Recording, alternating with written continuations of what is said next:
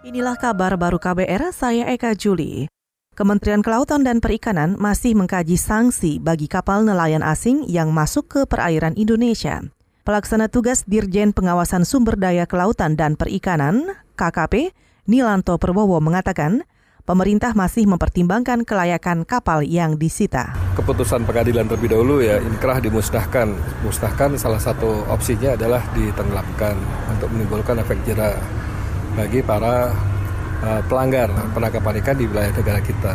Nah, kemudian arahan pimpinan uh, beberapa waktu terakhir memang ada agar supaya kapal-kapal yang kondisinya masih baik, kenapa tidak diberikan dihibahkan kepada nelayan-nelayan kita. Ini ini yang terus menjadi perhatian kita, uh, sedang kita pelajari. Pelaksana tugas Dirjen Pengawasan Sumber Daya Kelautan dan Perikanan Kementerian Kelautan dan Perikanan Nilanto Perbowo menambahkan belum menargetkan kapan kajian terhadap sanksi itu selesai. Saat ini pembahasan aturan masih dikaji oleh Direktorat Jenderal Perikanan Tangkap KKP. Sebelumnya, Menteri Kelautan dan Perikanan Edi Prabowo memberi sinyal bakal menghentikan penenggelaman kapal pencuri ikan yang masif dilakukan pada era Menteri KKP Suji Susi Pujiastuti. Edi mengatakan penenggelaman kapal bukan satu-satunya solusi menumpas pencurian ikan. Ia berencana membagikan kapal hasil sitaan ke nelayan lokal. Kita ke soal korupsi.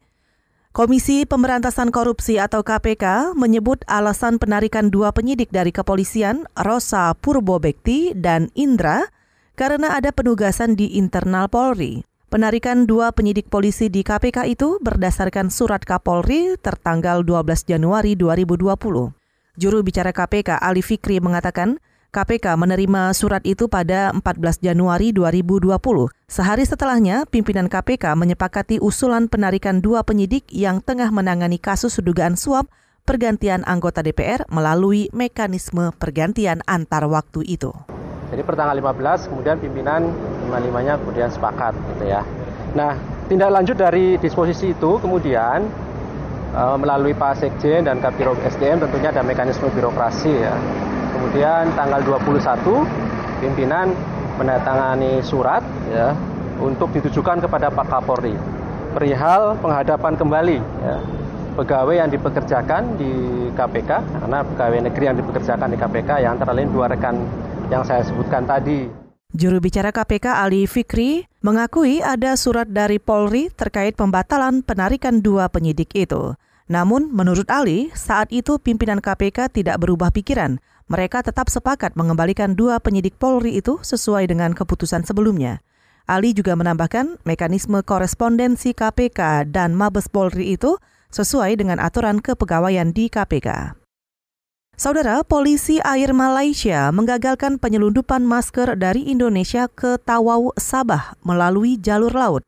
Polisi mencegat sebuah kapal penumpang dan menemukan tumpukan kardus berisi masker. Nilai masker yang diselundupkan mencapai Rp4.800 atau sekitar 15 juta rupiah.